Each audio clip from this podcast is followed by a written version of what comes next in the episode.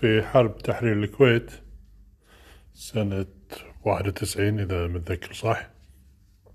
قبل لا ينسحبون قبل لا ينسحب الجيش العراقي حرق آبار النفط الكويتية كلها. حط متفجرات وفجر الآبار وصار في حرايج ودخان أسود وعفيسة وسعر النفط زايد ومصيبة طبعا. فشنو صار؟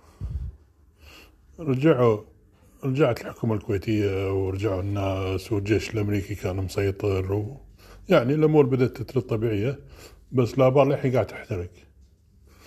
فصار في عقود مع شركات انه يطفون هالحرايج بالبداية اللي برزوا بالأخبار شركتين أمريكا أمريكيات من من تكساس أعتقد. ويعني حتى أذكره على سي إن طلع واحد شكله كنا كاوبوي كذي. وإحنا راح نطفي الآبار بس الموضوع مو سهل.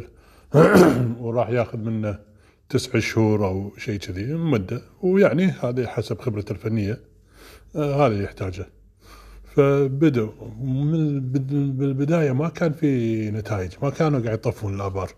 يعني فعقب شهر أو شهرين الحكومة أو الإدارات اللي بشركة النفط فتحت المجال عشان شركات ثانية. فيو اللي شركات آسيوية يو شركات روسية وغيره وغيره. أوروبا الشرقية يو. وأظن واحدة من هالشركات لقيت لها طريقة إن تطفي الآبار بفترة أسبوع أو أسبوعين مدة قصيرة. يعني كانوا الأمريكان يقولون الشركة الأمريكية كانت تقول تسع شهور لسنة والشركة المنافسة خلال أسبوع كانت تطفي الآبار. من وراها كلهم حولوا على هالطريقة الجديده وقاموا يطفون الآبار. فليش قاعد أقول هالكلام؟ هالموقف هذا إنه يكون في نوع من سباق تكنولوجي بأن يحلوا المشكلة ووايد شركات من مصلحتهم إنه يطولون بالمدة لأن الفلوس قاعد تزيد والمعاشات قاعد تندفع. والمصاريف قاعد تتسجل. زين.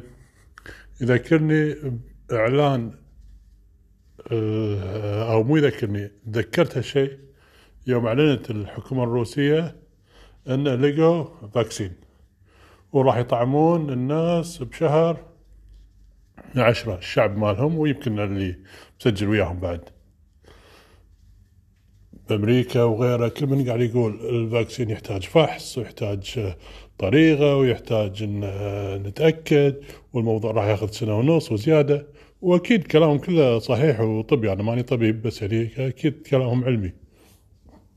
بس انه يجيك طرف ويعلن يقول لقيت الحل قبل غيره أعتقد راح يخلي الباقي كلهم يعجلون بالبروتوكولات بنظامهم طريقة الفحص مالهم.